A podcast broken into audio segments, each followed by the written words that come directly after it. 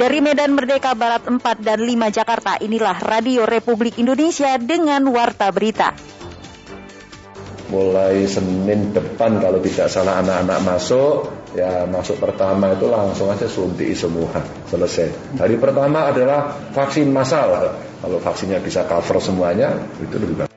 Dan KPK berkomitmen untuk terus memburu dan menangkap DPO KPK lainnya.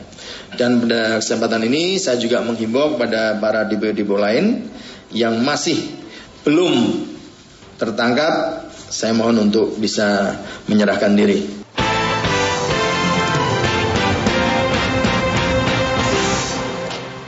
Sari Berita, 1.800 pelajar di semua jenjang se-Jawa Tengah telah mendapatkan vaksin COVID-19. KPK berkomitmen menangkap empat buronan yang hingga kini masih menghirup udara bebas. Inilah warta berita selengkapnya Rabu 29 Desember 2021 bersama saya Priarni Sonya dan saya Luna Elia.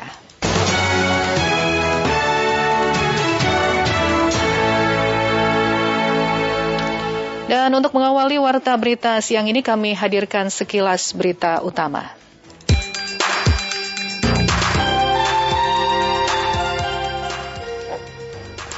Epidemiolog Universitas Griffith Australia Diki Budiman menduga penularan kasus virus corona COVID-19 varian Omikron di Indonesia bukan lagi transmisi lokal, tapi sudah berupa transmisi komunitas. Kementerian Ketenagakerjaan mengungkapkan kenaikan gaji menjadi salah satu pokok kesepakatan damai antara Federasi Serikat Pekerja Pertamina Bersatu atau FSPPB dengan direksi perusahaan. Presiden Amerika Serikat Joe Biden secara resmi mengumumkan cabutan larangan perjalanan dari Afrika Selatan dan sejumlah negara lain. Biden memperjelas keputusan tersebut dalam berlaku dari Jumat 31 Desember 2021 pukul 0001 waktu Washington.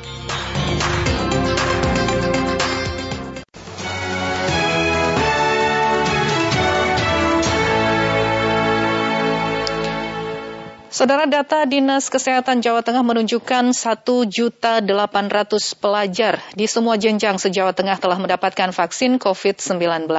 Saat ini vaksinasi pelajar menjadi fokus dari pemerintah Provinsi Jawa Tengah menjelang sekolah tatap muka. Informasinya akan dilaporkan reporter kami Luki Setiawan.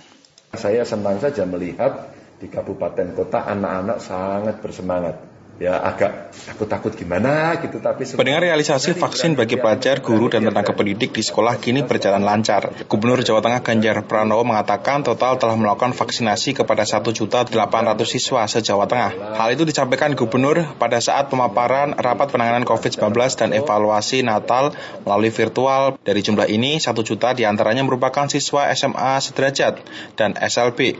Sedangkan di sekolah yang dikelola kabupaten kota terinci 651 1.526 siswa dari satuan pendidikan TK, PAUD, SD, dan SMP. Sementara di sekolah yang ditangani Kanwil Kemenak meliputi RA, MI, MTS, MA, total siswa yang telah divaksin mencapai 197.194 siswa.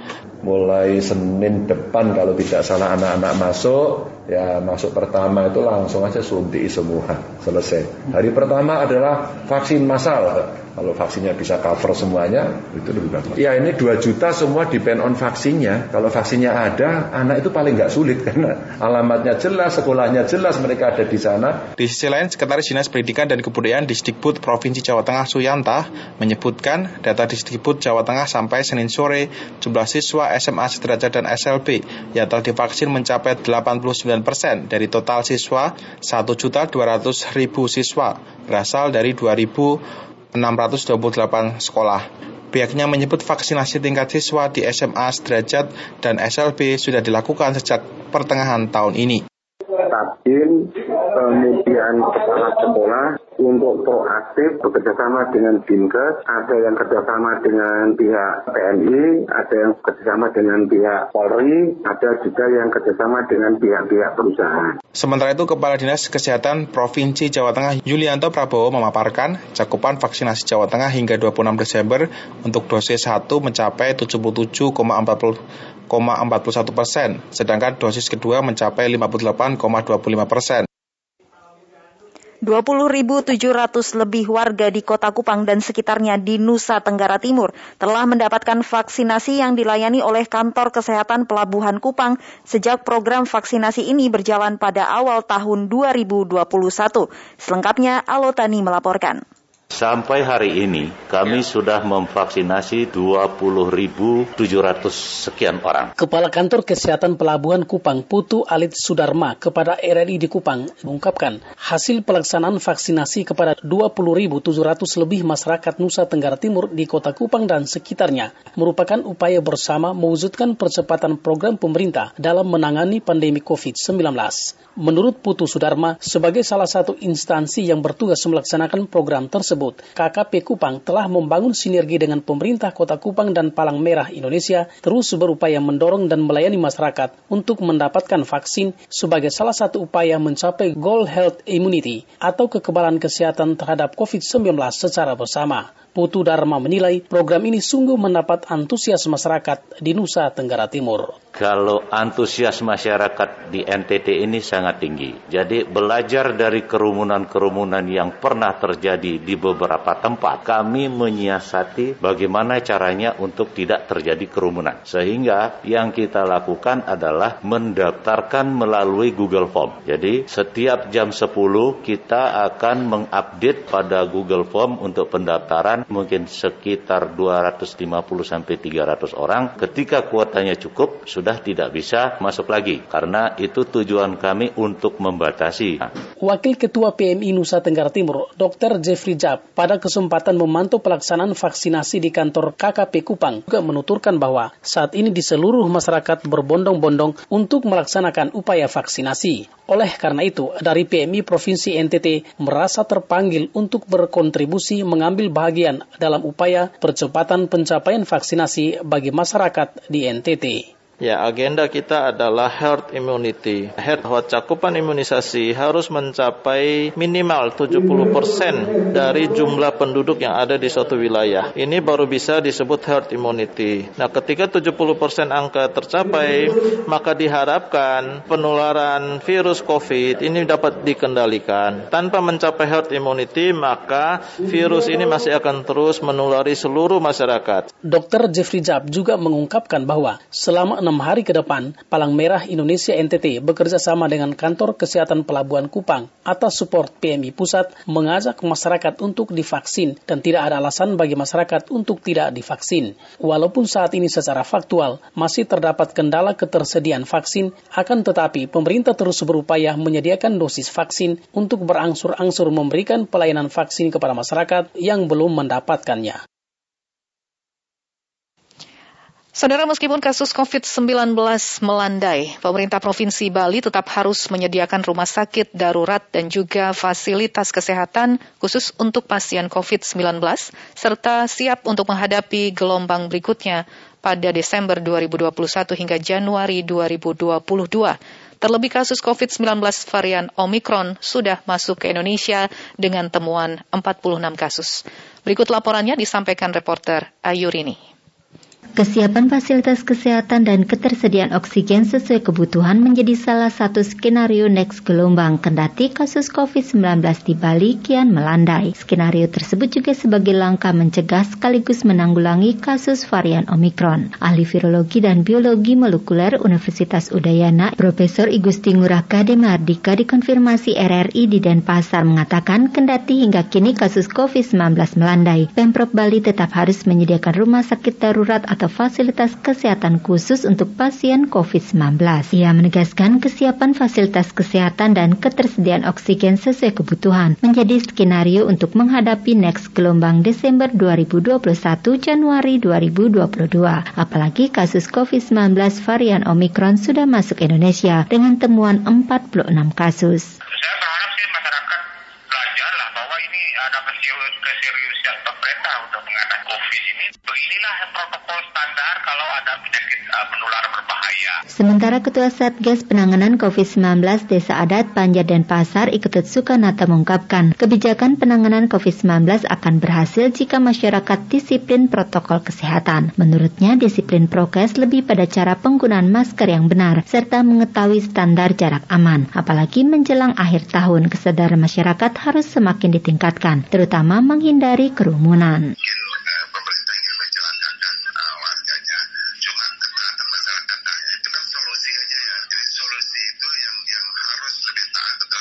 Berdasarkan data Satgas COVID-19 Provinsi Bali dalam 24 jam terakhir, tercatat penambahan kasus positif COVID-19 sebanyak 5 orang dengan kumulatif 114.380 kasus. Penambahan juga terjadi pada angka pasien sembuh satu orang dengan kumulatif 110.264 kasus. Dari kumulatif kasus terkonfirmasi positif, 59 orang masih dalam perawatan di rumah sakit rujukan, sementara 4.057 lainnya meninggal dunia dengan penambahan penambahan satu kasus. Menteri Agraria dan Tata Ruang Sofian Anjalil menyebutkan bahwa kasus sengketa tanah di Sumatera Utara mulai terurai dengan terbitnya sertifikat untuk 1057 hektar lahan ex HGU PTPN 2 dan 300 hektar lahan untuk pembangunan sport center. Berikut laporan Indra Widyasuti dari Medan. Alhamdulillah hari ini masalah pertanahan di Sumatera Utara sudah lebih Kasus sengketa tanah di Sumatera Utara perlahan mulai terurai. Hal ini ditandai dengan terbitnya sertifikat untuk sejumlah bidang tanah yang selama ini bersengketa. Antara lain untuk tanah XHGU PTPN 2 yang menjadi sengketa sejak tahun 2000 kini mulai terselesaikan. Sekitar 1057 hektar dari 5800 lebih hektar lahan XHGU PTPN 2 kini sudah disertifikatkan dan diserahkan kepada penerima. Penyerahan sertifikat itu dilakukan langsung oleh Menteri Agraria dan Tata Ruang Sofian Ajalil di Medan Selasa siang. Menteri ATR Sofian Ajalil mengatakan untuk 5.816 hektar tanah XHGU PTPN 2 yang belum mendapat titik terang sejak tahun 2000, saat ini sudah dikeluarkan 59 SK Gubernur yang menandakan status lahan tersebut sudah tidak bermasalah. Sejak tahun 2000 sampai 2021 itu tanah belum mencapai titik terang bagaimana menyelesaikannya. Alhamdulillah hari ini sudah 59 SK gubernur telah dikeluarkan. Artinya luasnya lebih 1000 hektar lebih. Artinya itu sudah benar, sudah bersih, sudah oke, okay, sudah selesai. Alhamdulillah, saya pikir hari ini masalah pertanahan di Sumatera Utara sudah lebih tertib, komplain-komplain masyarakat sudah berkurang, demo-demo masalah pertanahan makin bisa berkurang. Ini berkat Forkopinda Sumatera Utara. Sementara Gubernur Sumatera Utara Edi Rahmayadi mengakui dirinya kerap meminta kepada Menteri ATR untuk menyelesaikan sengketa tanah di Sumatera Utara, khususnya Sport Center. Sebab Sport Center adalah program strategi Sumatera Utara yang saat ini dikejar penyelesaiannya agar dapat digunakan pada PON 2024 mendatang. Ia pun memastikan akan segera membangun Sport Center usai menerima sertifikat.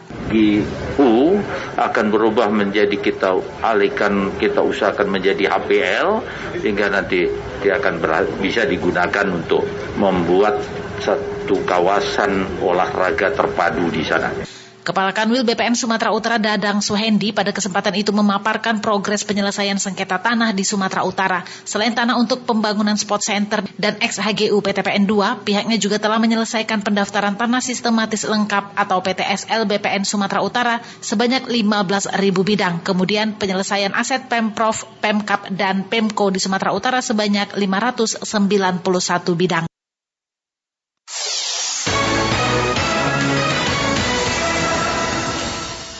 Terima kasih Anda masih mendengarkan Warta Berita Produksi Pusat Pemberitaan Radio Republik Indonesia. Saudara Komisi Pemberantasan Korupsi KPK menyatakan komitmen menangkap empat buronan lembaga anti rasuah yang hingga kini masih menghirup udara bebas. Laporannya akan disampaikan reporter Khairul Umam. Dan pada kesempatan ini saya juga menghimbau kepada para dibo-dibo lain yang masih belum tertangkap saya mohon untuk bisa menyerahkan diri. Komisi Pemberantasan Korupsi menyatakan komitmennya untuk menangkap empat buronan lembaga anti rasuah yang hingga kini masih menghirup udara bebas. PLT Jubir KPK Ali Fikri mengatakan bahwa empat buron tersebut masih menjadi pekerjaan rumah yang harus diselesaikan oleh KPK. Terkait dengan pencarian uh, buron DPO tindak pidana korupsi, KPK telah bekerjasama dengan berbagai pihak, baik di dalam maupun di luar negeri yang tentu punya otoritas dan kewenangan di dalam upaya pencarian para DPO. Uh, tentu ini kami lakukan sebagai bentuk uh, upaya yang serius uh, KPK di dalam pencarian para DPO dimaksud. Lebih lanjut, Deputi Penindakan KPK, Karyoto mengultimatum para DPO tersebut untuk menyerahkan dirinya kepada lembaga anti rasuah. Penangkapan DPO tersebut menegaskan bahwa koordinasi KPK dan Polri untuk bersama melakukan pencarian dan penangkapan para DPO KPK akan terus dilakukan dan KPK berkomitmen untuk terus memburu dan menangkap DPO KPK lainnya. Dan pada kesempatan ini saya juga menghimbau kepada para DPO-DPO lain yang masih belum tertangkap, saya mohon untuk bisa menyerahkan diri. Empat buron tersebut yakni mantan calon anggota legislatif fraksi PDIP Harun Masiku. Harun merupakan tersangka kasus suap penetapan anggota DPR RI periode 2019-2024 melalui mekanisme pergantian antar waktu. Buron kedua yakni Surya Darmadi yang merupakan pemilik PT Darmex Group atau PT Duta Palma ia ditetapkan sebagai tersangka dalam kasus dugaan korupsi terkait pengajuan revisi alih fungsi hutan di Provinsi Riau tahun anggaran 2014. Buron ketiga yakni Izil Azhar atau yang karib dikenal dengan sebutan Ayah Merin yang ditetapkan sebagai tersangka dalam kasus dugaan suap penerimaan gratifikasi bersama-sama dengan mantan Gubernur Aceh Irwandi Yusuf. Buron keempat yakni Kiran Kotama yang dijerat sebagai tersangka dalam kasus dugaan korupsi memberi hadiah atau janji terkait penunjukan Asanti Sel Inch sebagai agen eksekutif PT PAL Indonesia dalam pengadaan kapal strategik Silv Vessel untuk pemerintah Filipina tahun 2014-2017. KPK juga menyebut bahwa komitmen KPK dalam mencari buron dibuktikan melalui kerjasama dengan aparat penegak hukum lainnya, baik kepolisian maupun kejaksaan melalui kedeputian koordinasi dan supervisi KPK. KPK juga meminta masyarakat turut terlibat dalam pencarian buronan tersebut. Sementara itu pendengar jelang akhir tahun harga telur ayam ras terus meningkat tajam hingga mencapai Rp50.000. Berikut laporan Tris Januartini. Harga telur ayam ras di pasaran meningkat tajam. Menurut salah seorang pedagang telur, Dewi 34 tahun, harga telur saat ini mencapai 50 ribu per tray. Yang mengatakan kenaikan harga telur sudah terjadi sejak dua minggu terakhir. Uh, itu dua minggu sebelumnya harga telur 39 ribu untuk pasarannya. Tapi di luaran mungkin 40 sampai 41. Nah terus naik lagi 1000, naik lagi 2000. Terakhir itu kenaikannya sampai 3000 rupiah dan sekarang sekarang uh, mencapai 50 ribu per traynya. Kenaikan harga telur tentu berdampak pada usaha yang memanfaatkan telur sebagai bahan baku utama seperti kue dan roti misalnya. Vita Fadila, salah satu pengusaha roti dan kue mengaku sangat terdampak akibat naiknya harga telur kali ini yang cukup signifikan. Namun demikian, kenaikan harga telur tidak membuatnya serta-merta menaikkan harga kue dan roti yang ia produksi karena menurutnya kenaikan harga telur ini memang kerap terjadi jelang akhir tahun. Uh, harga telur itu fluktuatif. Uh, bis, memang sudah jadi tradisi di akhir tahun itu naik, uh, trennya akan naik. Tapi biasanya nanti akan turun kembali di angka uh, di bawah 40 ribu seperti itu. Sementara itu salah satu peternak ayam petelur asal desa Bulian Niloh Sinta Riasi kepada RRI Selasa 28 Desember 2021 mengatakan kenaikan harga telur murni diakibatkan hukum pasar di mana jelang akhir tahun jumlah permintaan telur meningkat tajam? Karena mungkin karena permintaannya terlalu banyak ya, karena sekarang juga menyambut Nataru, biasa kalau di akhir tahun itu telur pasti naik. Sinta menambahkan adanya pandemi COVID-19 tidak terlalu berpengaruh terhadap jumlah permintaan telur dari pelanggannya. Dengan jumlah 13.000 ekor ayam petelur yang dimilikinya saat ini, ada sekitar 370 tray telur yang mampu dihasilkan tiap hari untuk memenuhi permintaan pasar hingga ke Pulau Jawa dan NTT.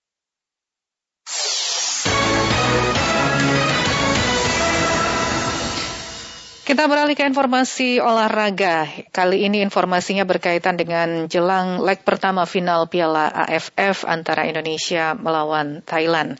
Pelatih kepala Timnas Indonesia Sintayong membagi pengalamannya di lapangan untuk mendorong semangat juang penggawa atau maksud kami penggawa Garuda jelang leg pertama final Piala AFF 2020.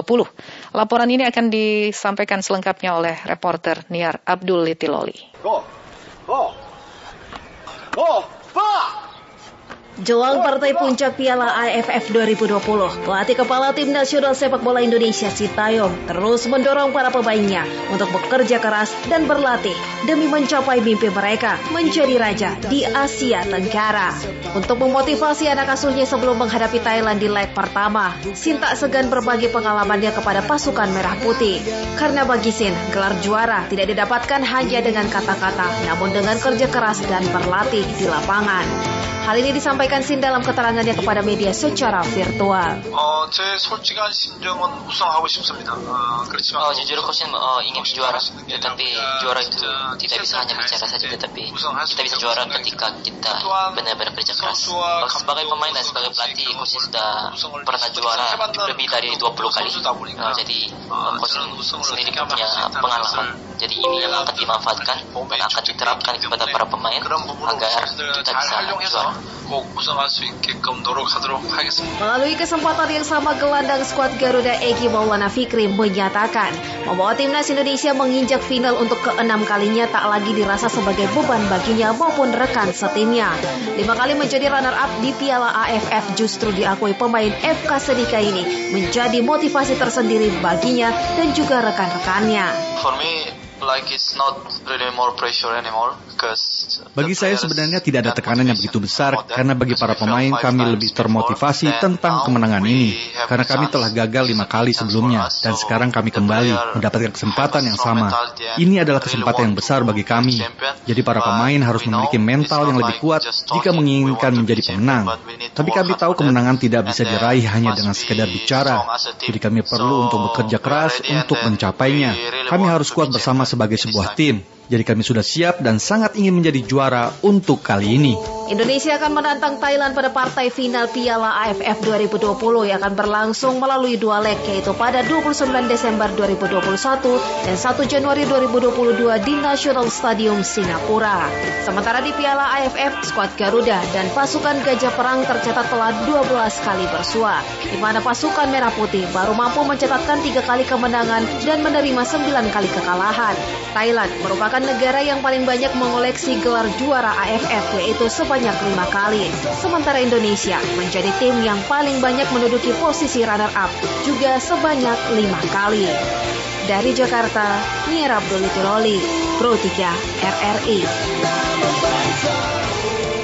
Ya pendengar, laga leg pertama antara Indonesia melawan Thailand ini tentunya sangat ditunggu-tunggu oleh seluruh rakyat Indonesia.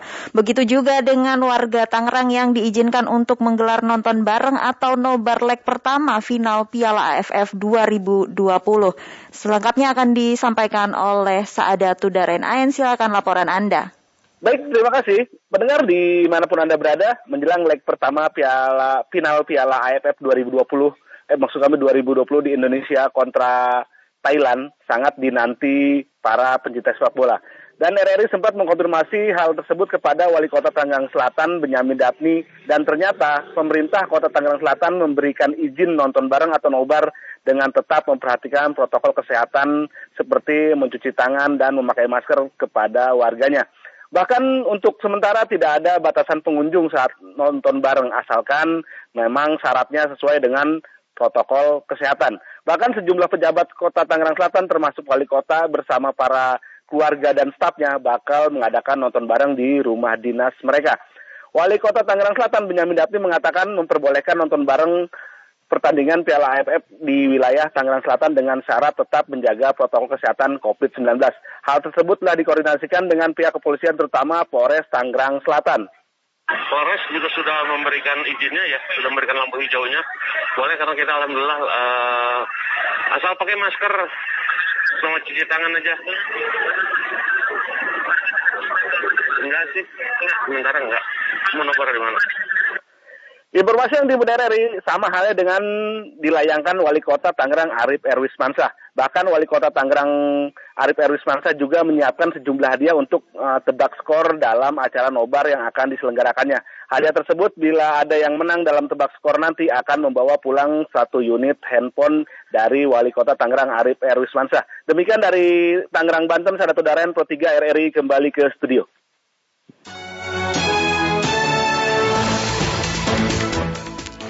Pendengar demikian tadi informasi yang kami rangkum dalam Warta Berita Pro 3 RRI siang hari ini. Tetaplah bersama kami untuk kembali menyimak informasi-informasi penting lainnya yang akan kami hadirkan dalam program Indonesia Menyapa Siang. Saya Luna Elia. Dan saya Priarnisanya. Pamit undur diri. Terima kasih untuk kebersamaan Anda. Selamat siang.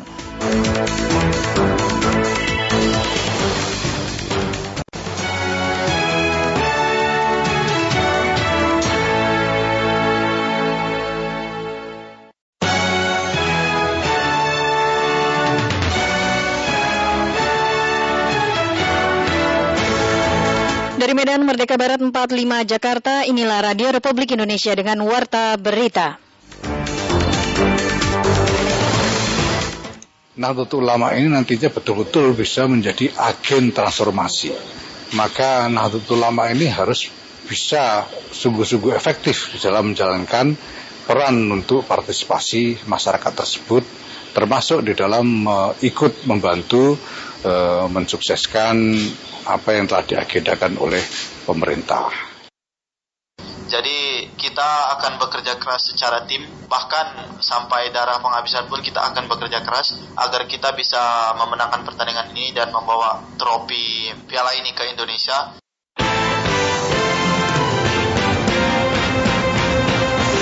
Sari Berita, Nahdlatul Ulama memiliki tanggung jawab yang sama dengan pemerintah dalam hal merawat, menjaga, dan membangun bangsa Indonesia. Penggawa Garuda memiliki motivasi lebih untuk merengkuh gelar juara pertama kalinya bagi Indonesia. Inilah warta berita selengkapnya, Rabu 29 Desember 2021 bersama saya, Sitiana.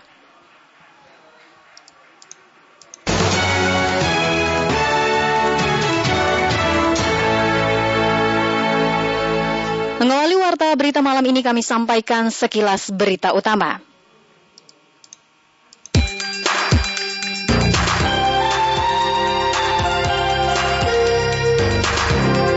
Indonesia kembali kedatangan sekitar 12 juta dosis vaksin AstraZeneca melalui jalur pembelian langsung. Kedatangan vaksin ini karena pemerintah terus mempercepat dan memperluas pelaksanaan vaksinasi nasional untuk secepatnya membangun herd immunity.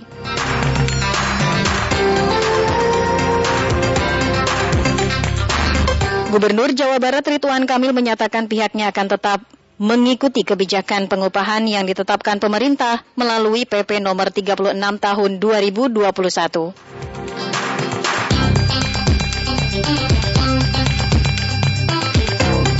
Organisasi Kesehatan Dunia atau WHO mengatakan resiko yang ditimbulkan COVID-19 varian Omikron masih sangat tinggi usai kasus melonjak 11 persen secara global.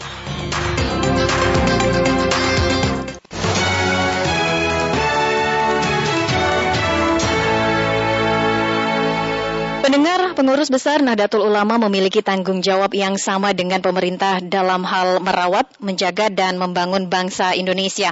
Hal ini disampaikan Ketua Umum PBNU Yahya Khalil Stakuf saat bertemu dengan Presiden Joko Widodo di Istana Merdeka pada hari ini. Pradipta Rahadi melaporkan selengkapnya.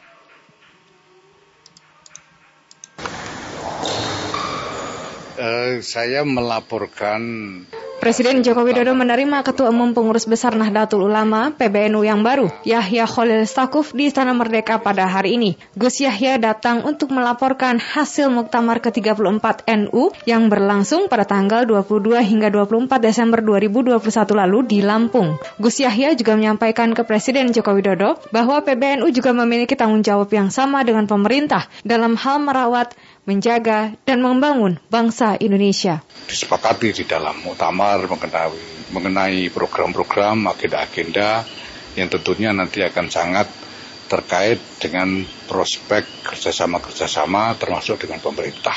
Sebagai Ketua Umum PBNU yang baru, Gus Yahya berharap untuk menyempurnakan konsolidasi organisasi sehingga Nahdlatul Ulama nantinya dapat menjadi agen transformasi.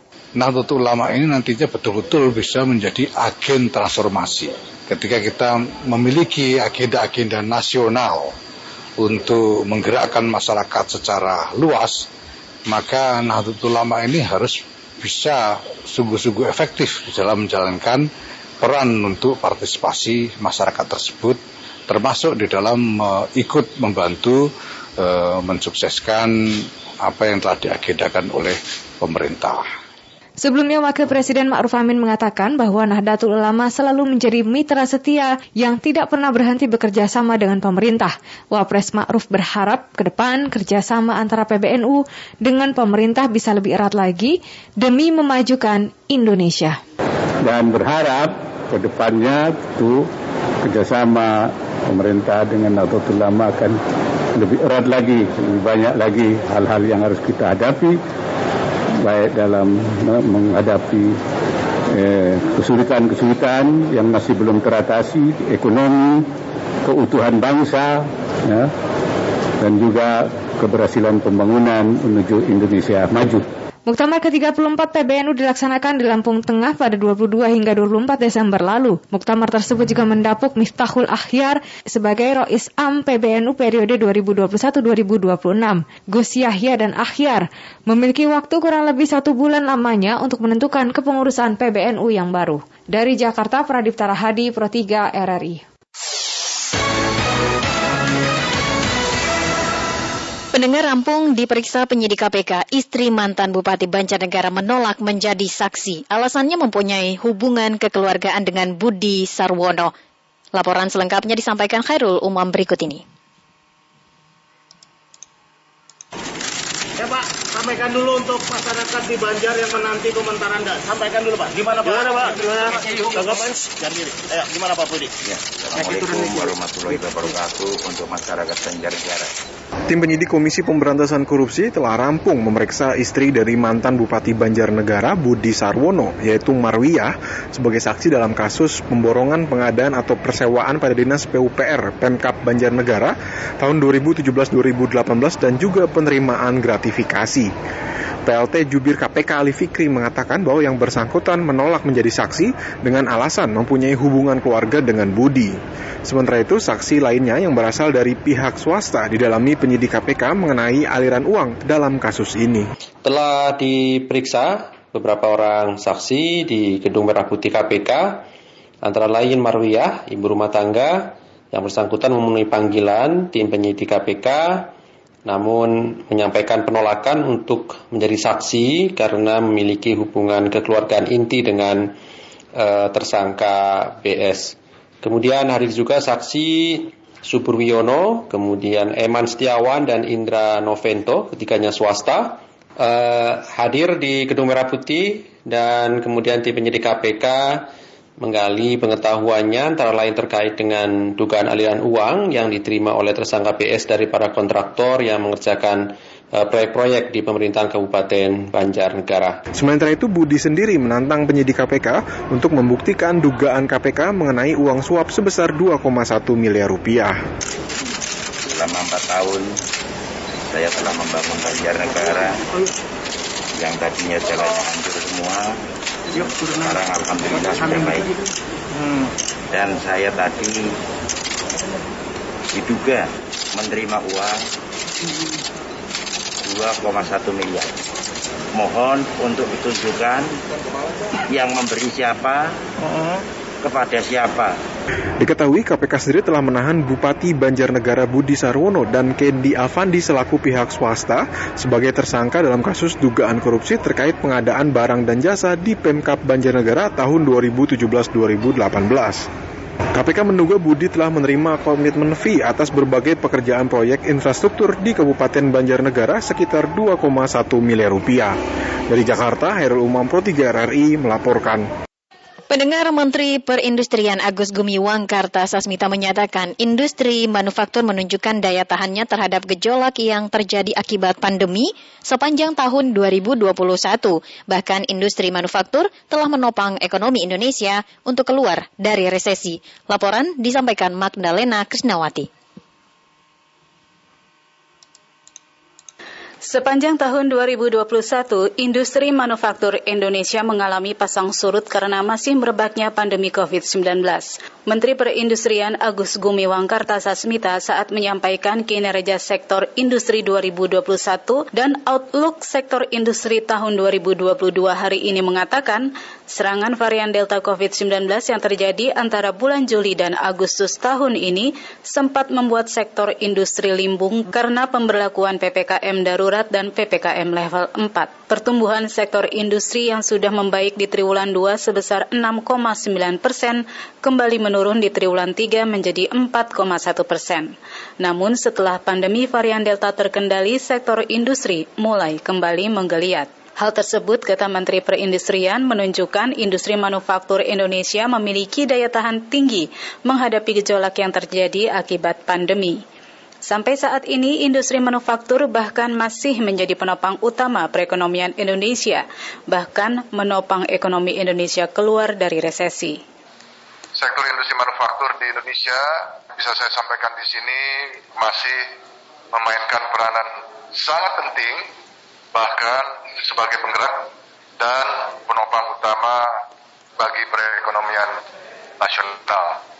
Bahkan kami dapat menyatakan bahwa sektor industri manufaktur merupakan sektor pendorong utama, sektor pendorong utama bagi Indonesia untuk keluar dari resesi. Menteri Perindustrian menyebutkan kontribusi sektor industri manufaktur pada PDB hingga triwulan 3 2021 sebesar 17,3 persen dan merupakan kontribusi tertinggi dibandingkan sektor lainnya. Selain itu, secara rata kontribusi sektor industri manufaktur pada penerimaan pajak sebesar 29 persen, sedangkan kontribusi pada penerimaan cukai mencapai 95 persen. Karenanya di tahun 2021 ini, Menteri Perindustrian memproyeksikan pertumbuhan industri manufaktur antara 4 hingga 4,5 persen, dan target pertumbuhan industri di tahun 2022 mendatang di kisaran 4,5 hingga 5 persen dengan target serapan tenaga kerja mencapai 20 juta orang. Kami menargetkan pertumbuhan industri manufaktur pada tahun 2021 tahun ini sebesar 4,5 persen sampai 5 persen. Kami mentargetkan pertumbuhan industri manufaktur pada tahun 2022. Kami juga menargetkan penyerapan tenaga kerja di sektor industri manufaktur bisa meningkat sampai 20,8 juta tenaga kerja di tahun 2022. Lebih lanjut, Menteri Perindustrian Agus Gumiwang Kartasasmita mengatakan masih ada tantangan yang harus diatasi agar target pertumbuhan industri manufaktur tercapai di tahun depan. Kendala itu berupa disrupsi supply chain, kendala logistik khususnya angkutan laut internasional, masih tingginya ketergantungan impor bahan baku, barang penolong dan barang modal, serta masih adanya ancaman pandemi varian baru COVID-19. Magdalena Krisnawati, Pro 3, RRI. Terima kasih Anda masih mendengarkan Warta Berita Produksi Radio Republik Indonesia. Pendengar, Indonesia dan Thailand akan mengulang memori Piala AFL saat keduanya bersuah malam ini di National Stadium Singapura, seperti pertemuan di final turnamen yang sama lima tahun lalu. Kembali memasuki final untuk keenam kalinya tidak dirasa sebagai beban bagi penggawa Garuda. Namun, justru menjadi motivasi lebih untuk merengkuh gelar juara pertama kalinya bagi Indonesia. Informasi tersebut selengkapnya kami hadirkan dalam sesi laporan khusus Pro 3 bersama Niar Abdul Litiloli berikut ini. Laporan khusus. Laporan khusus. Laporan khusus. Go, go, go, pa, bola, Tim nasional sepak bola Indonesia dan Thailand akan mengulang memori Piala AFF saat keduanya bersua malam ini di National Stadium Singapura seperti pertemuan di final turnamen yang sama lima tahun lalu. Meski mengakui keunggulan Thailand sebagai salah satu kekuatan sepak bola di kawasan Asia Tenggara, namun pelatih kepala timnas Indonesia Sintayong menyebut segala kemungkinan dapat terjadi di lapangan. Untuk itu Sin memastikan bahwa anak asuhnya akan memberi perlawanan terbaik bagi Thailand. 어, 일단 태국 팀을 보게 되면 선수들이 전체적으로 다 기량들이 우수하고 uh, sangat baik. jadi kalau kita kelihatan uh, kita terlihat di posisi atau pemain mana yang uh, tidak baik. Tetapi bola itu bundar, jadi akan memperlihatkan performa yang terbaik dan penampilan yang terbaik uh, di dalam lapangan. Uh, pastinya kita tidak bisa uh, jelaskan uh, ya seperti apa di sini. Uh, tapi ya, pastinya Thailand itu tim baik. Kepercayaan diri juga diusung salah satu penggawa Garuda Egi Maulana Fikri. Gelandang yang tengah merumput bersama Eva Senika di divisi utama Slovakia ini menyatakan akan berjuang bersama rekan-rekannya hingga titik darah penghabisan. Yang pertama, uh, kami harus yakin bahwa kami bisa memenangkan pertandingan ini karena ya keyakinan itu paling penting harusnya untuk meningkatkan percaya diri lebih tinggi lagi. Dan ini semua juga bukan hanya tentang saya, bukan hanya bagaimana saya akan memberikan yang terbaik, pasti semua pemain ingin memberikan yang terbaik. Coach juga sudah menerapkan apa yang bakal kita lakukan di final nanti.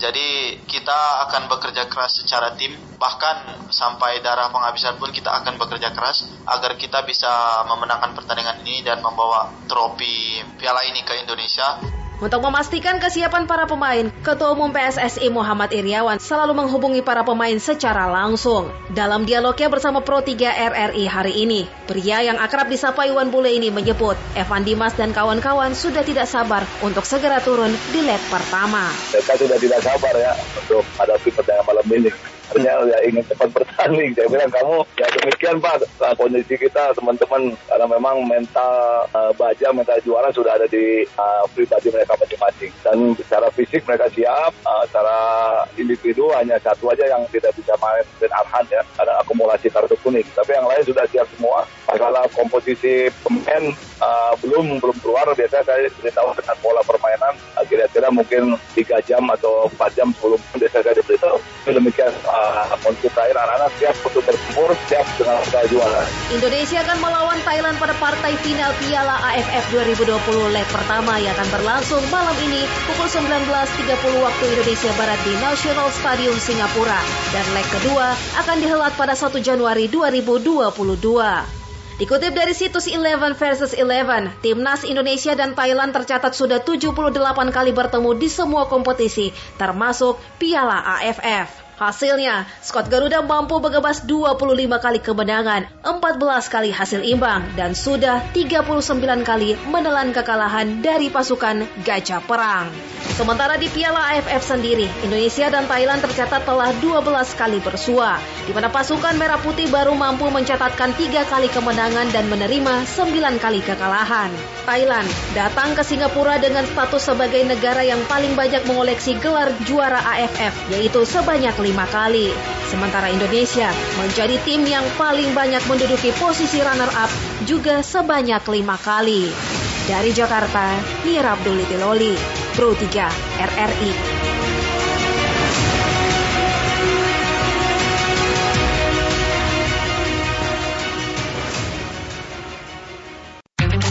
Laporan khusus. Laporan khusus. Laporan khusus.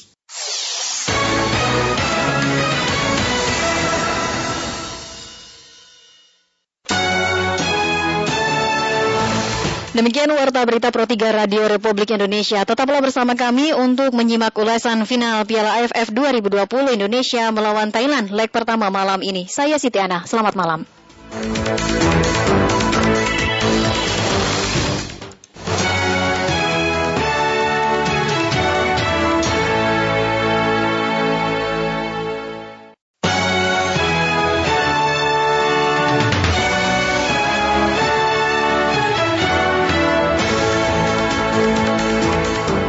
Pagi pendengar dari lantai 7 Medan Merdeka Barat Padan 5 Jakarta. Inilah Warta Berita pukul 7 di penghujung tahun 2021.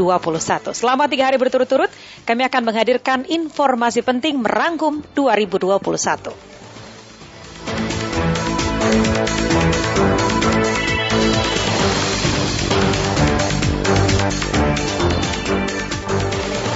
Ya, dan pada pagi hari ini pendengar kami akan hadirkan rangkuman perjalanan dunia olahraga. Risti, untuk 2021 yang kami sajikan dalam Kaleidoskop Olahraga 2021 berikut ini.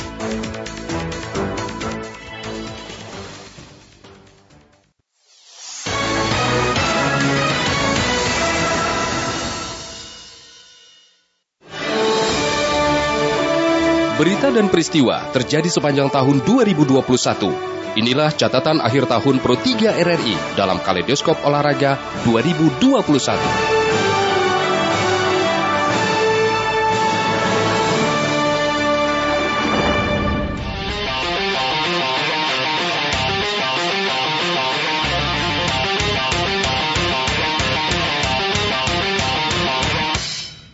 Perjalanan dunia olahraga pada tahun 2021 memiliki warna tersendiri karena menjadi edisi penantian setelah beberapa event besar terpaksa harus diundur dari tahun 2020 menyusul krisis global pandemi COVID-19.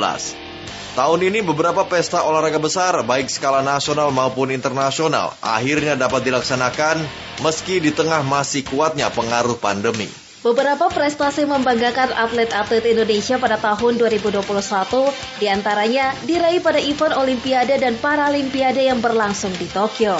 Selain raihan prestasi para atletnya, dunia olahraga Indonesia juga berhasil menjadi tuan rumah berbagai event kelas dunia seperti World Superbike di sirkuit Mandalika, Nusa Tenggara Barat, kejuaraan bulu tangkis Indonesia Master, Indonesia Open 2021, serta final BWF 2021 di Bali.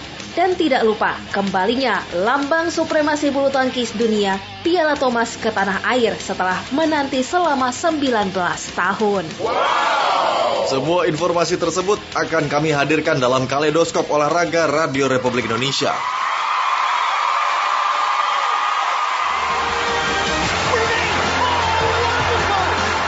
Kaleidoskop olahraga kali ini kami awali dari cabang olahraga sepak bola.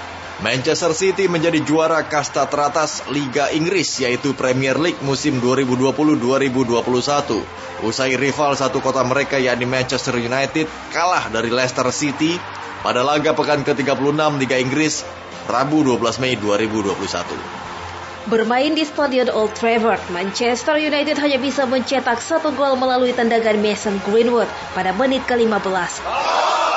Sementara Leicester berhak atas tiga poin melalui dua gol sumbangan dari Luke Thomas di menit ke-10 dan Chaglar Soyuncu di menit ke-66. Kekalahan United membuat City yang memimpin klasemen memiliki koleksi 80 poin dari 35 pertandingan. Sementara United yang menguntit di urutan kedua mengoleksi 70 poin hasil dari 35 penampilan. Dengan tiga pertandingan tersisa, poin City dipastikan tidak terkejar United karena perolehan poin maksimal yang bisa dikumpulkan anak asuh oleh Gunnar Solskjaer itu hanya 79 poin. Kita terbang ke Italia. Meski kompetisi masih menyisakan empat laga, Inter Milan resmi menyandang gelar juara Liga Italia Serie A setelah peringkat kedua Atalanta hanya mampu memetik satu poin kala bersua Sassuolo pada laga pekan ke-34. Gelar Scudetto ini merupakan titel ke-19 yang diraih Inter dalam kurun waktu 11 tahun, sekaligus mematahkan dominasi Juventus yang menjadi penguasa Liga selama 9 musim beruntun. Di samping itu, tren positif Inter juga dibarengi oleh rentetan hasil buruk yang diraih para pesaingnya, termasuk AC Milan yang sempat merajai klasemen selama beberapa pekan. Selanjutnya kita menuju Spanyol. Kompetisi La Liga Spanyol musim 2020-2021 resmi berakhir setelah Atletico Madrid sukses menjadi juara musim ini menyingkirkan kedua rivalnya Real Madrid dan Barcelona. Hingga akhir kompetisi, Atletico berhasil mengoleksi 86 angka, unggul 4 poin atas pesaing terdekat sekaligus juara bertahan Real Madrid. Sementara Barcelona harus puas di urutan ketiga klasemen akhir. Liga Spanyol tahun ini juga menghadirkan kabar yang mengejutkan.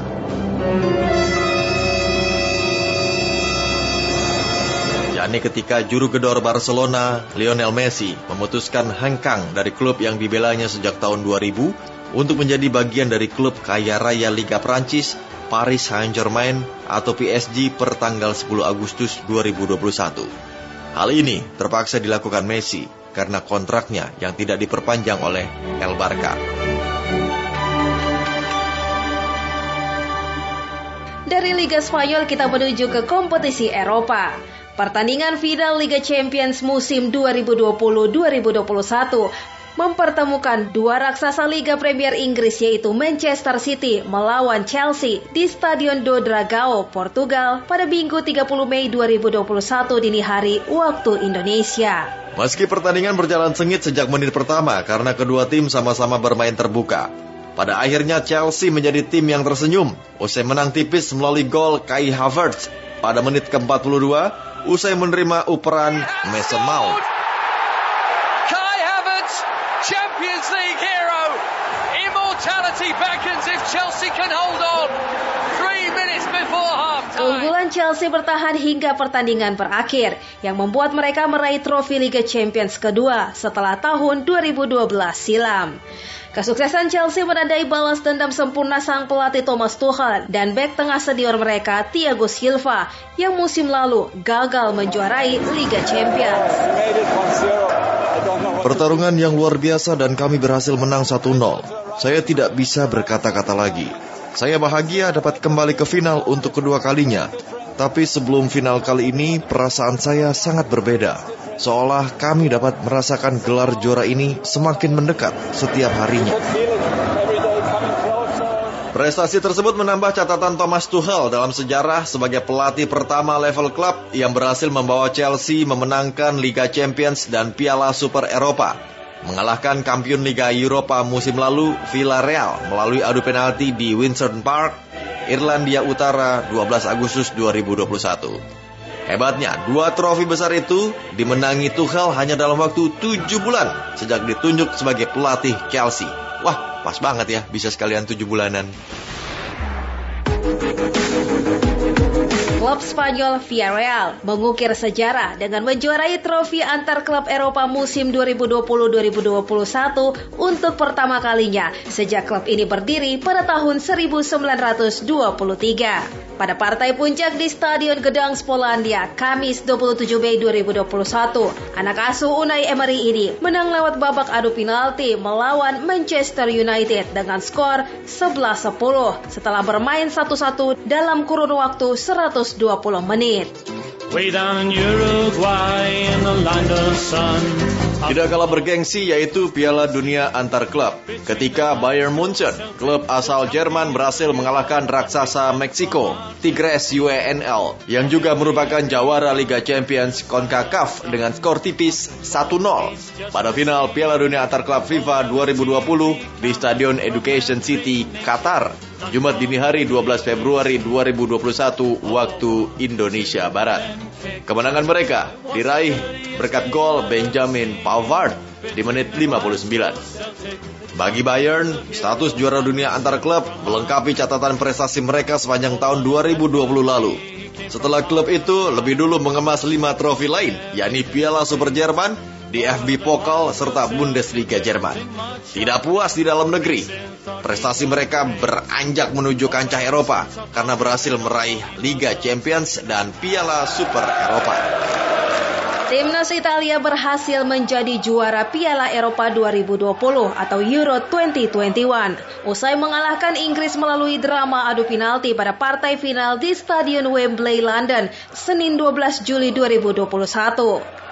Percaya diri karena tampil di depan pendukungnya, Inggris unggul cepat berkat gol Luke Shaw di menit kedua pertandingan. Sementara Italia yang menyajikan permainan menyerang baru mampu menyamakan kedudukan di menit ke-67 melalui Leonardo Bonucci hingga membuat skor 1-1 bagi kedua tim.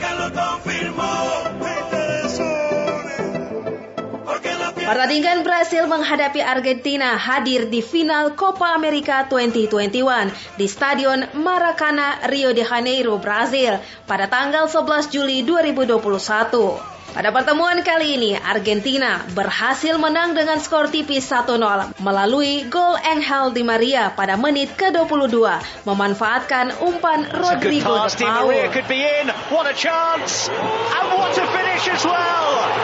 Argentina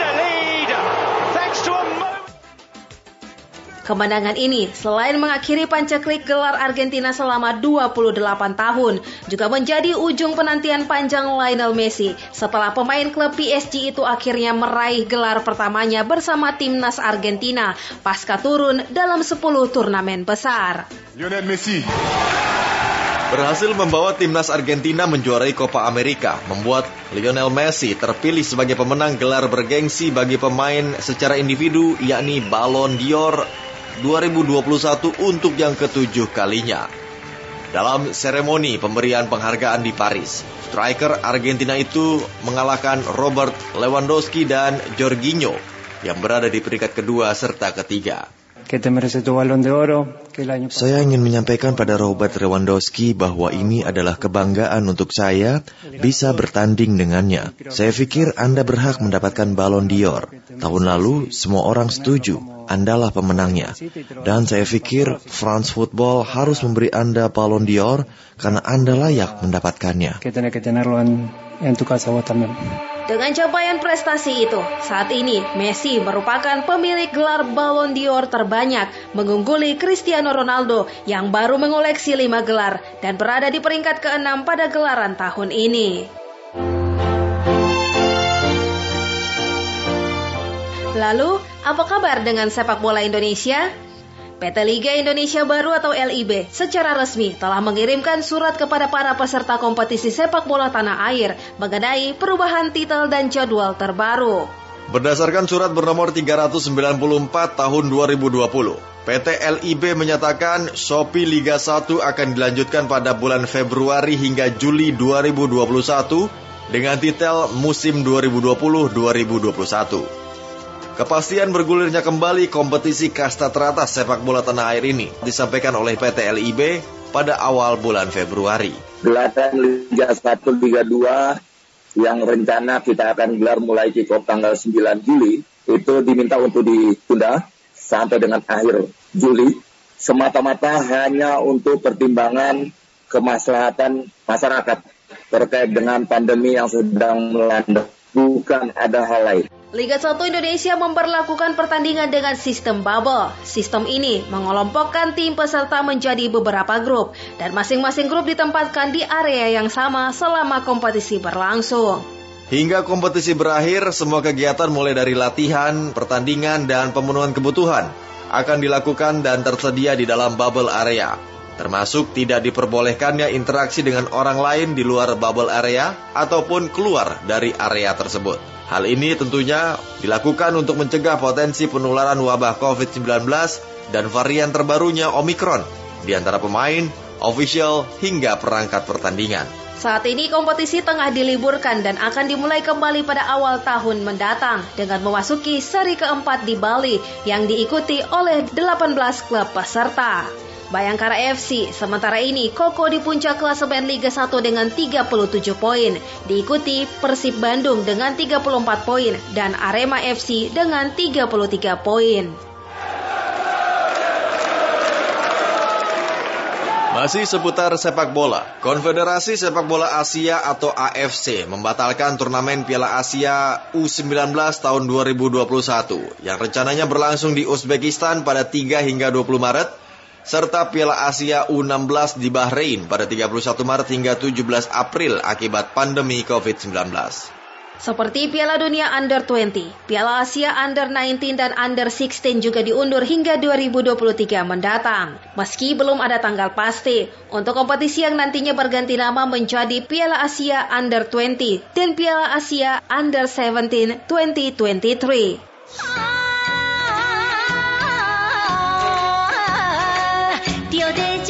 Dari olahraga terpopuler sepak bola, kami ajak Anda menuju kabar pesta olahraga multi-event dunia yaitu Olimpiade. Perjuangan atlet Indonesia dalam mengukir prestasi di kancah dunia hadir dalam perhelatan Olimpiade Tokyo 2020 yang pelaksanaannya harus diundur satu tahun karena pandemi global COVID-19.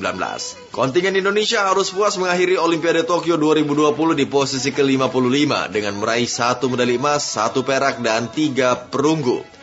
Medali emas Indonesia dipersembahkan oleh pebulu tangkis ganda putri Gracia Poli I dan Apriani Rahayu usai mengalahkan pasangan Cina dengan dua game langsung 21-19 dan 21-15. Pendek servis kembalikan oleh Apradi ke belakang, ke tengah kembalikan oleh Apriani, bola lep, Apriani langsung smash kembalikan oleh Jiang, masih lagi Jiang kembalikan lagi. Oh, pengembalian bola smash dilakukan Peneza. Kembalian bola dari Jivan tadi bola keluar lapangan saudara pendengar di sebelah kiri permainan ganda putri Indonesia sekaligus menutup poin menjadi 21-15 saudara pendengar. Dengan demikian saudara pendengar, ganda putri Indonesia, pasangan Gracia, Poli Apiani Rahayu saudara pendengar, pemandangan pertandingan di game kedua ini saudara pendengar dengan 21-15. Selain emas, satu medali perak kontingen Indonesia disumbangkan lifter putra Eko Yuli Irawan di kelas 61 kg. Sedangkan tiga medali perunggu diraih lifter putri Windy Cantika Aisyah di kelas 49 kg. Lifter putra Rahmat Abdullah di kelas 73 kg. Dan pebulu tangkis tunggal putra Antoni Sinisuka Ginting. Dengan finish di posisi ke-55, Indonesia gagal memperbaiki peringkat pada Olimpiade karena pada ajang 4 tahun sebelumnya di Rio de Janeiro tahun 2016, Indonesia mampu finish di posisi 46 dengan meraih satu emas dan dua perak. Juara umum Olimpiade Tokyo kali ini berhasil diraih kontingen Amerika Serikat dengan 39 emas, 41 perak, dan 33 perunggu. Diikuti Cina dengan 38 emas, 31 perak, dan 18 perunggu.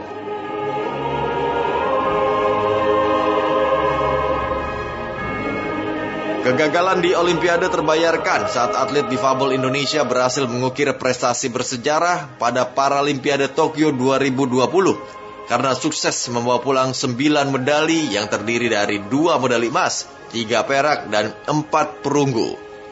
Cabang olahraga para badminton merupakan lumbung medali bagi tim Merah Putih. Leani Ratri Oktila yang berpasangan dengan Kalimatus Saadiah sukses meraih medali emas ganda putri kategori SL3 SU5. Leani kembali meraih medali emas kedua ketika berpasangan dengan Hari Susanto pada nomor ganda campuran kategori SL3 SU5.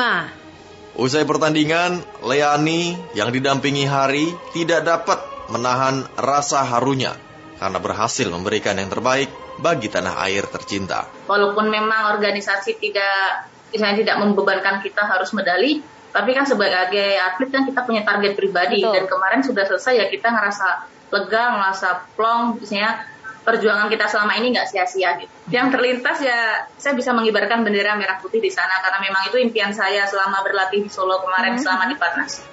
Capaian prestasi itu langsung diapresiasi Presiden Joko Widodo melalui sambungan video call dari Indonesia. Saya mewakili seluruh masyarakat Indonesia, seluruh rakyat Indonesia mengucapkan selamat untuk medali emas cabang para bulu tangkis, ganda putri dan juga ganda campuran. Baru saja ya untuk Ratri dan Hari, untuk ganda campuran, ganda putri, Ratri dan Alim. Seakan belum puas memberikan kebahagiaan bagi kontingen Indonesia di Paralimpiade, Leani Ratri kembali mempersembahkan medali.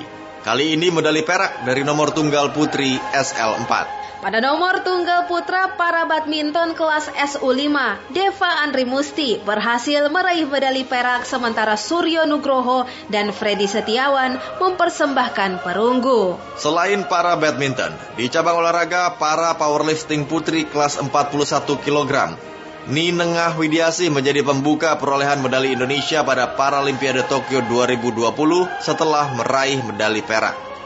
Dari cabang olahraga para tenis meja, David Jacobs mempersembahkan medali perunggu pada nomor tunggal putra kelas TT10 dan Sabto Yogo Purnomo yang mewakili Indonesia di cabang olahraga para atletik nomor 100 meter putra kelas T37 berhasil membawa pulang medali perunggu. Semangat para atlet yang telah berjuang di Olimpiade dan Paralimpiade Tokyo 2020 membuat pemerintah melalui Menteri Pemuda dan Olahraga Zainuddin Amali meresmikan Desain Besar Olahraga Nasional atau DBON setelah mendapatkan restu dari Presiden Joko Widodo. DBON telah memiliki landasan hukum dalam peraturan presiden atau Perpres nomor 86 tahun 2021 yang intinya adalah menciptakan pembinaan atlet sejak dini dengan target prestasi di Olimpiade dan Paralimpiade mendatang. Kita tidak pernah ada desain tentang pembinaan olahraga. Prestasi-prestasi yang kita dapatkan itu muncul by accident bukan tercetak dengan sistematis, bukan terencana, berkesinambungan. Kita adalah negara yang besar. Kita adalah negara yang punya sumber talenta yang luar biasa tersebar di seluruh penjuru tanah air. Tetapi belum termonitor dengan baik. Maka lahirlah desain besar olahraga nasional Hingga saat ini sosialisasi program DBON masih terus digaungkan ke seluruh daerah di Indonesia. Kita menuju kabar dari cabang olahraga tenis lapangan. Petenis Rusia Daniel Medvedev membuat kejutan di US Open 2021 dengan meraih gelar Grand Slam pertamanya, mengalahkan unggulan pertama asal Serbia Novak Djokovic 6-4, 6-4 dan 6-4 dalam final di Arthur Ashe Stadium, New York, Senin 13 September 2021. Petenis berusia 25 tahun ini berhasil merebut gelar turnamen utama itu sejak Marat Safin menang di Australia Terbuka 2005. Seakan ingin membalas kekalahan di US Open bulan September lalu. Novak Djokovic berhasil mengalahkan Daniel Medvedev dalam laga final berdurasi 2 jam 15 menit untuk merebut gelar juara Paris Masters 2021 dengan skor 4-6, 6-3 dan 6-3 di Paris Accor Arena 7 November 2021. Ini merupakan gelar ke-6 Djokovic di ajang Paris Masters, sekaligus gelar Masters ke-37 sepanjang karirnya. Sebelum meraih Paris Masters, Djokovic juga menjabat gelar juara Wimbledon yang ke-6 miliknya dengan mengalahkan unggulan ke-7 asal Italia, Matteo Berrettini, 6-7 tiebreak 4, 6-4, 6-4 dan 6-3 pada 11 Juli 2021. Saya ingin menyampaikan uh, penghormatan saya kepada Rafa dan Roger. Mereka adalah legenda olahraga tenis. Mereka dua petenis yang hebat yang saya temui sepanjang karir saya. Mereka adalah alasan saya berada di sini sekarang. Mereka membuat saya mengerti apa yang harus saya lakukan untuk bisa bermain lebih baik dan menjadi uh, kuat secara fisik, mental, dan taktik. Ketika saya turun dari top 10 dunia, saya terus-menerus kalah dalam 3 sampai 4 tahun di turnamen yang besar. Um, Tetapi mereka selalu mendukung saya. 10 tahun terakhir ini adalah perjalanan yang sangat luar biasa dan saya tidak akan um, berhenti di sini. Kemenangan ini membuat Djokovic menyamai rekor Roger Federer dari Swiss dan Rafael Nadal dari Spanyol sebagai petenis dengan gelar juara Grand Slam terbanyak, yakni 20 gelar. Wow. Rangkaian laga WTA Finals 2021 yang berlangsung di Pan American Tennis Center Guadalajara, Meksiko resmi berakhir pada Kamis 18 November 2021 ditandai dengan kemenangan petenis Spanyol Garbin Muguruza atas Anet Kontaveit dari Estonia. Mantan petenis tunggal putri nomor satu dunia itu sukses memetik kemenangan dengan skor 6-3, 7-5 dalam waktu 1 jam 38 menit.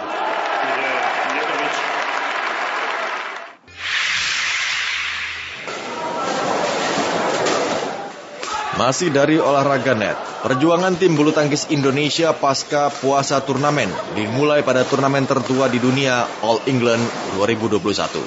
Setelah mengikuti karantina di Inggris, kabar tidak mengenakan datang ke skuad tim bulu tangkis yang ternyata tidak diperbolehkan ikut serta dalam turnamen ini karena masalah non teknis, yakni berada satu pesawat dengan penumpang yang terindikasi mengidap virus COVID-19 saat terbang ke Inggris. Mendengar kabar tersebut, kemarahan dari atlet-atlet dan warga Indonesia tentu mencuat Meski BWF telah meminta maaf, namun salah satu punggawa tim bulu tangkis Indonesia, Markus Gideon, tidak puas dengan pernyataan tersebut. Kalau menurut saya sih harusnya masalah ini diperjelas ya kan kita pertandingannya juga udah mulai sedikit persiapan buat Olimpik. Takutnya nanti ada apa-apa di jalan, BWF lepas tangan lagi kayak gini dan tinggal kasih surat permintaan maaf aja beres gitu.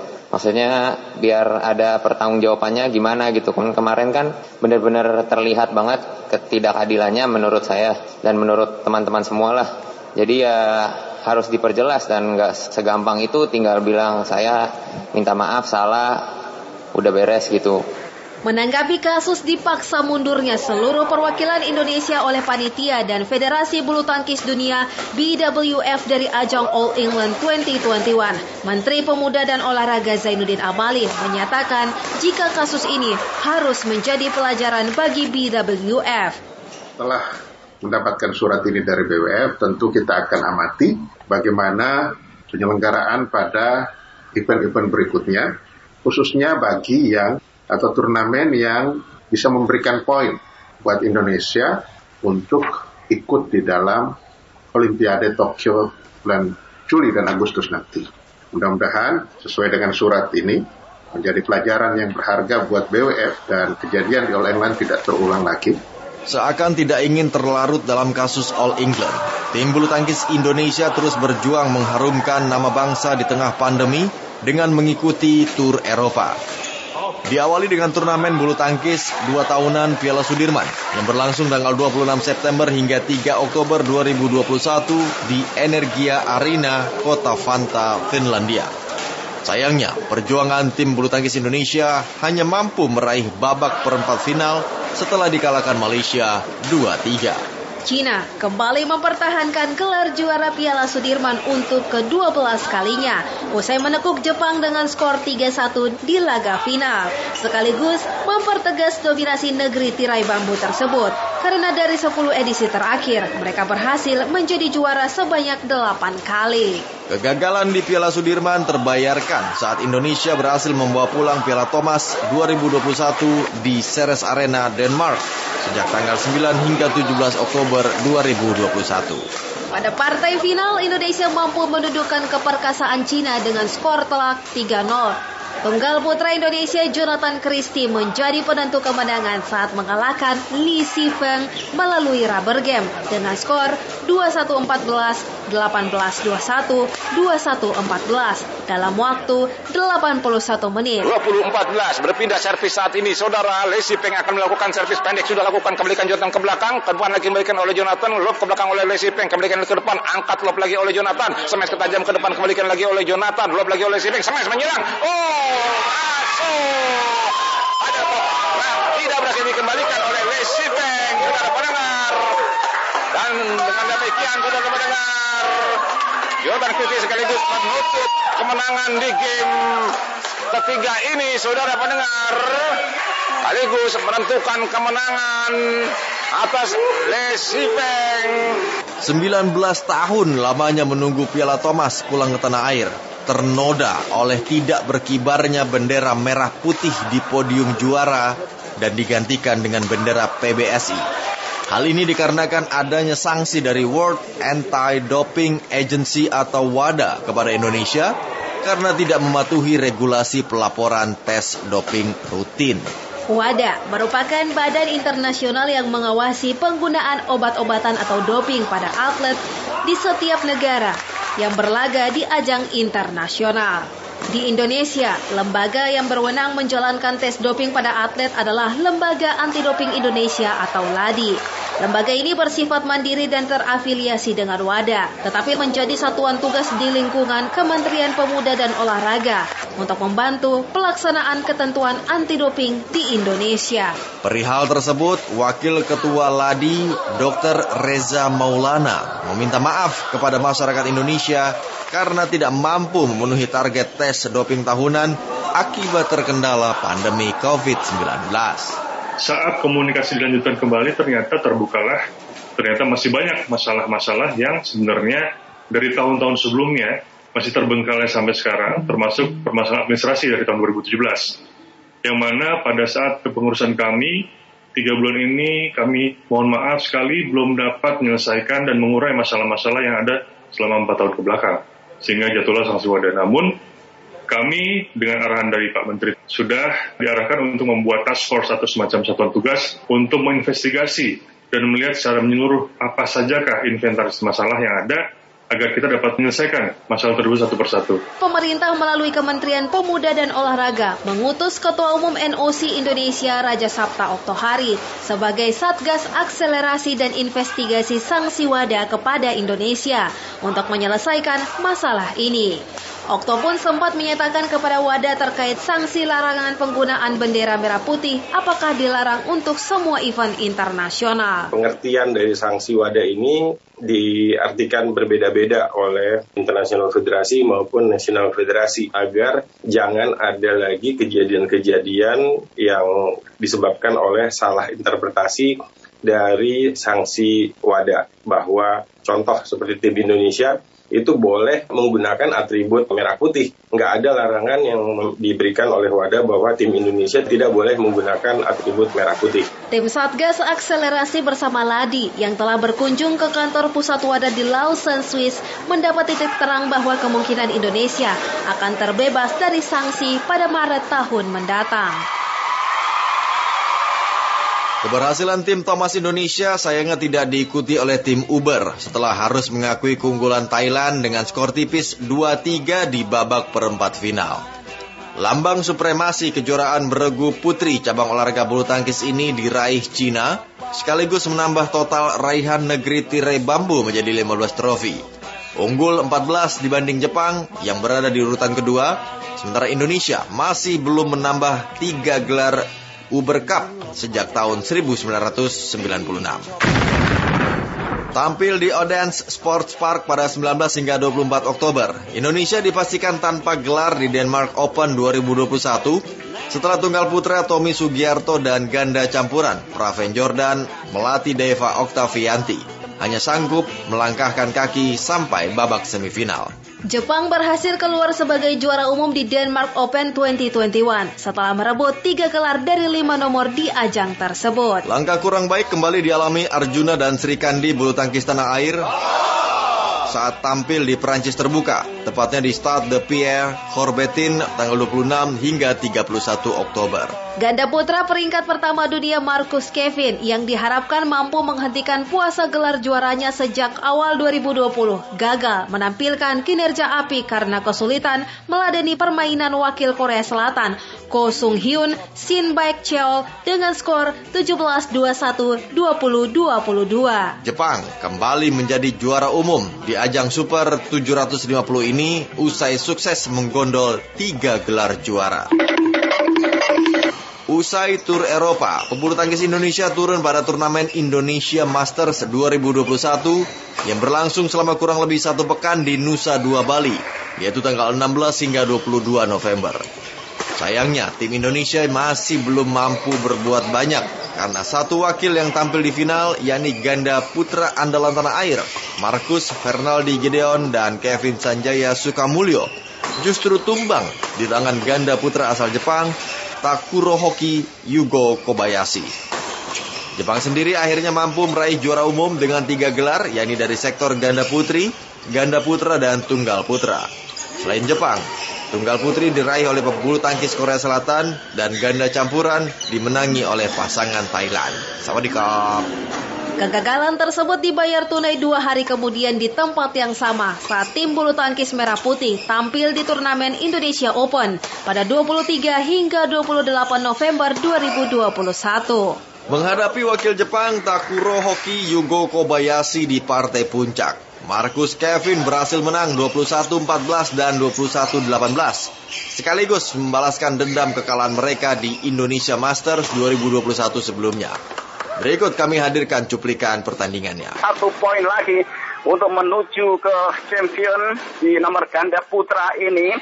Indonesia Open 2021 ini kita nantikan mudah-mudahan akan menjadi milik Dominion Ya, mudah-mudahan mampu diselesaikan dengan baik oleh Gideon.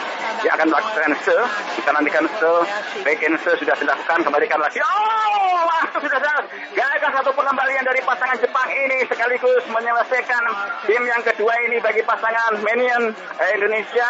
Keberhasilan Marcus Kevin sayangnya tidak diikuti ganda putri Gracia Polii Apriani Rahayu yang harus mengakui keunggulan ganda Jepang Nami Matsuyama Chiharu Shida dengan skor skor 19-21 dan 19-21. Sayangnya saat tampil di BWF Final World Super Series, pebulu tangkis Indonesia hanya menjadi penonton usai satu-satunya wakil yakni Marcus Kevin kalah 16-21, 21-13 dan 21-17 setelah berjuang selama 1 jam 1 menit menghadapi pebulu tangkis Jepang Takuro Hoki Yugo Kobayashi. Perjuangan atlet bulu tangkis merah putih selama mengikuti Indonesia Badminton Festival di Bali menjadi rangkaian terakhir di kancah dunia. Mengingat PP PBSI secara resmi mengundurkan diri dalam kejuaraan bulu tangkis dunia di Huelva, Spanyol pada 12 hingga 19 Desember.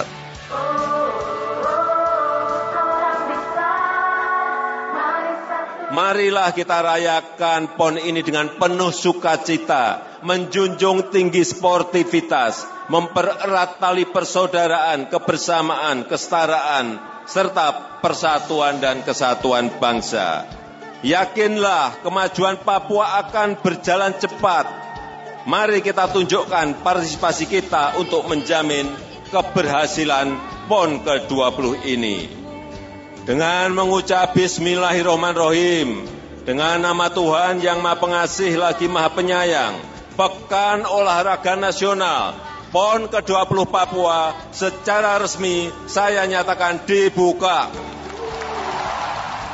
Di bulan Oktober, Presiden Republik Indonesia Joko Widodo resmi membuka Pekan Olahraga Nasional ke-20 di Papua. Selama dua pekan, sejak tanggal 2 hingga 14 Oktober 2021, 6.400 atlet dari 56 cabang olahraga berlomba menjadi yang terbaik di tingkat nasional. Tidak hanya berhasil sebagai tuan rumah, kontingen Papua juga berhasil merebut medali emas dari cabang olahraga favorit sepak bola yaitu saat menundukkan Aceh dengan skor 2-0 pada partai final di Stadion Mandala Jayapura hari Kamis 14 Oktober 2021. Pemain nomor 5, Mai, Mai angkat ke depan, Ricky Cawor, masih Ricky Cawor, terjadi perebutan di sana.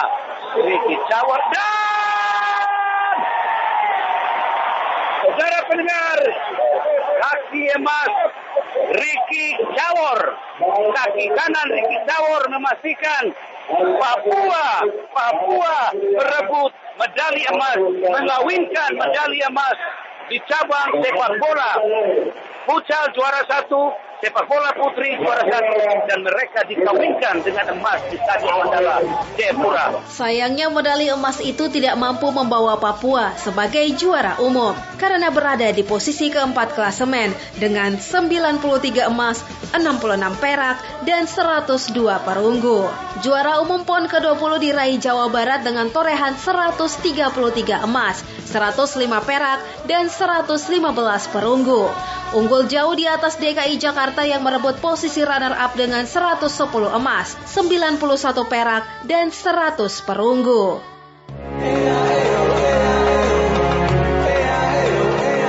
Perjuangan kontingen Papua bersama seluruh atlet difabel tanah air dimulai saat Wakil Presiden Ma'ruf Amin membuka secara resmi Pekan Paralimpik Nasional atau Peparnas ke-16 yang berlangsung pada 2 hingga 15 November.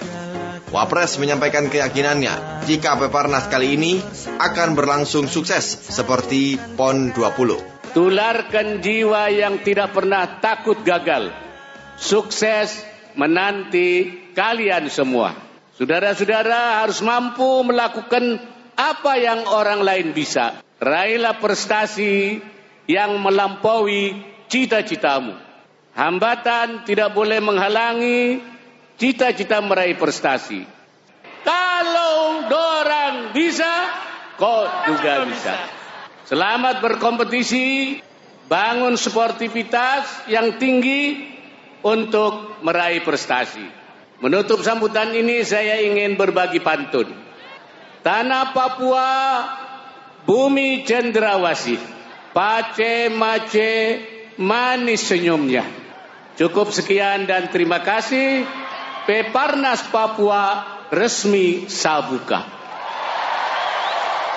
Hasil perjuangan selama dua pekan kali ini Papua tampil gemilang karena sukses merengkuh gelar juara umum dengan 127 emas, 86 perak, dan 93 perunggu. Diikuti kontingen Jawa Barat dengan 110 emas, 92 perak, dan 75 perunggu.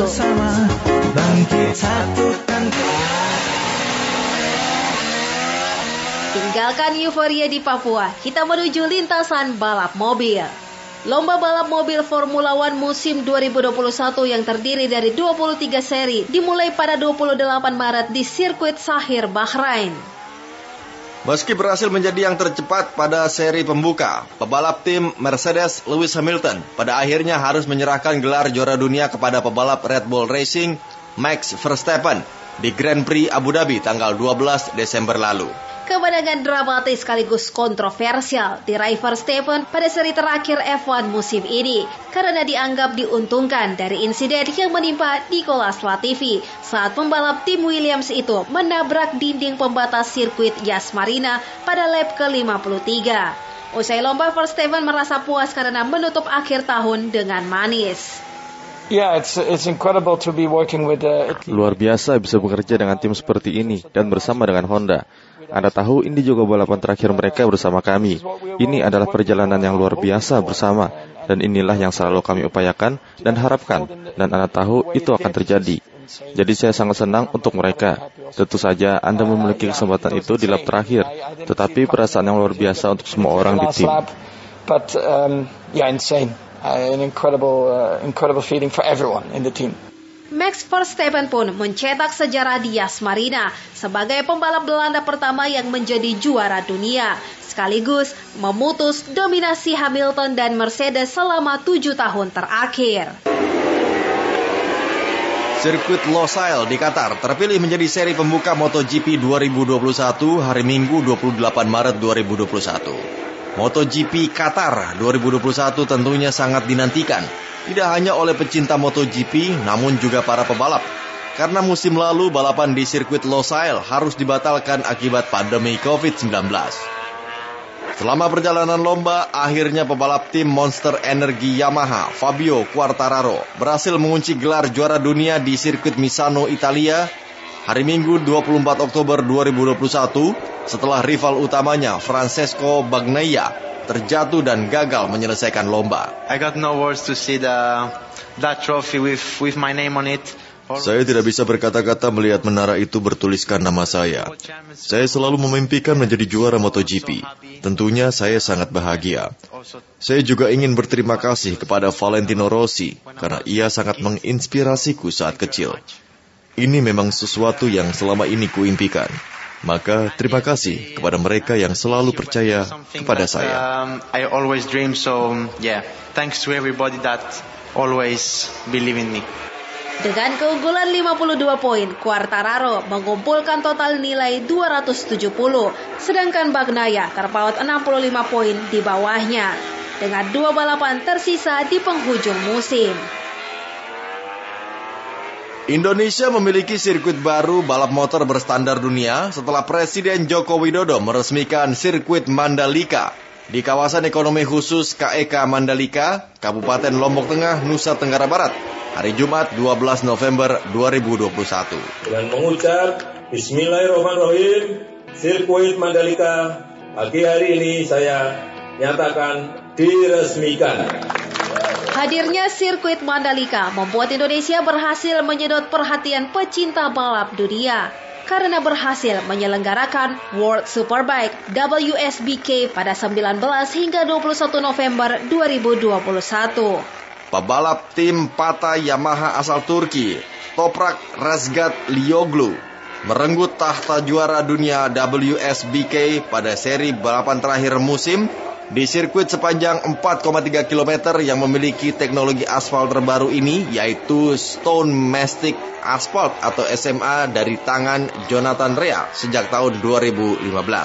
Dalam pernyataannya kepada wartawan, Toprak senang dapat membalap di Indonesia karena banyaknya dukungan terhadap dirinya.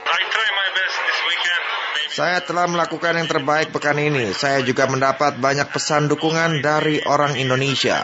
Terima kasih atas pesan Anda.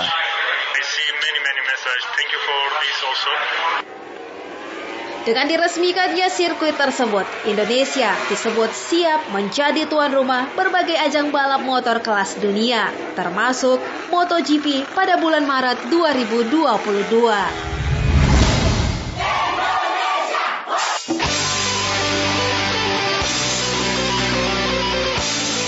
Menutup Kaleidoskop 2021. Perjuangan atlet Indonesia dari cabang olahraga terfavorit sepak bola pada gelaran Piala AFF 2020 atau 2021 di Singapura. Indonesia untuk keenam kalinya meraih tiket final Piala AFF setelah sebelumnya pada tahun 2000, 2002, 2004, 2010, dan 2016. Hari ini Rabu 29 Desember 2021 bertempat di National Stadium Singapura tim nasional sepak bola Indonesia kembali berjuang untuk memulai laga putaran pertama final Piala AFF 2020 melawan Thailand setelah sebelumnya mampu mengalahkan Singapura dengan agregat 5-3. Berikut sekilas perjuangan skuad Garuda meraih tiket final saat tundukan Singapura. Kita nantikan bagaimana Nadio Argawinata juga mempersiapkan dirinya untuk menghadapi penalti ini.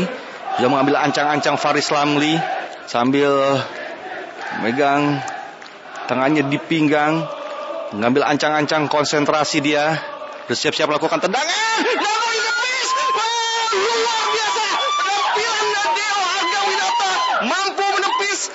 Tendangan dari Faris Lamli di sektor di sisi kiri gawang Indonesia. Penampilan luar biasa dari Nadio ini menjadikan skor bertahan 2-2 hanya menghasilkan tendangan penjuru bagi Singapura di menit-menit akhir ini. Luar biasa. Malam nanti, Evan Dimas dan kawan-kawan akan memulai pertandingan final pertama AFF melawan Thailand. Sementara putaran kedua akan dimainkan pada hari Sabtu 1 Januari 2022. Ayo semuanya, kita doakan semoga anak asuh Shin Tae-yong dengan skuad mudanya ini mampu bersinar, mencatatkan sejarah di Piala AFF 2020 yang sekaligus menjadi kado akhir tahun yang indah. Nah, agak sedikit menggantung emang ya cerita sepak bola Piala AFF ini. Tetapi secara umum inilah perjalanan olahraga Indonesia di tahun 2021. Sejuta warna-warni telah menghiasi perjuangan para atlet di tengah protokol kesehatan ketat saat pandemi COVID-19 masih melanda dunia. Tangis haru, susah dan senang telah mewarnai olahraga Indonesia tahun 2021. Harapan besarnya yakni di tahun 2022, semangat lebih berprestasi mampu diraih para atlet Indonesia saat tampil di event-event besar seperti SEA Games Hanoi, Vietnam, Asian Games Hangzhou, China, ataupun saat Indonesia menjadi tuan rumah FIBA Asia Cup 2022.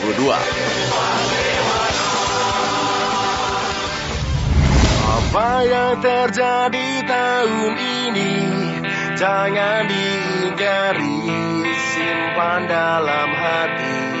Demikian kaleidoskop olahraga Pro 3 kali ini. Terima kasih atas perhatian Anda. Mewakili kerabat kerja yang bertugas, penanggung jawab Widi Kurniawan, produser Soraya Putri Yusuf, produser pelaksana Adi Wiono, penghimpun data rekaman dan penulis naskah Danang Sundoro, teknik dan montase Wardoyo.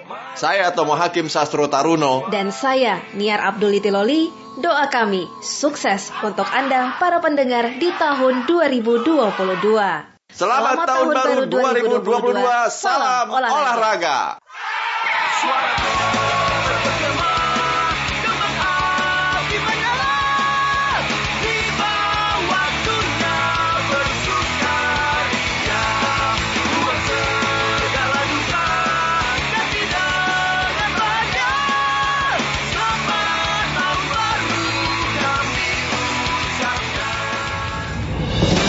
Baru saja Anda dengarkan catatan akhir tahun olahraga 2021 dalam Kaleidoskop Pro 3 RRI.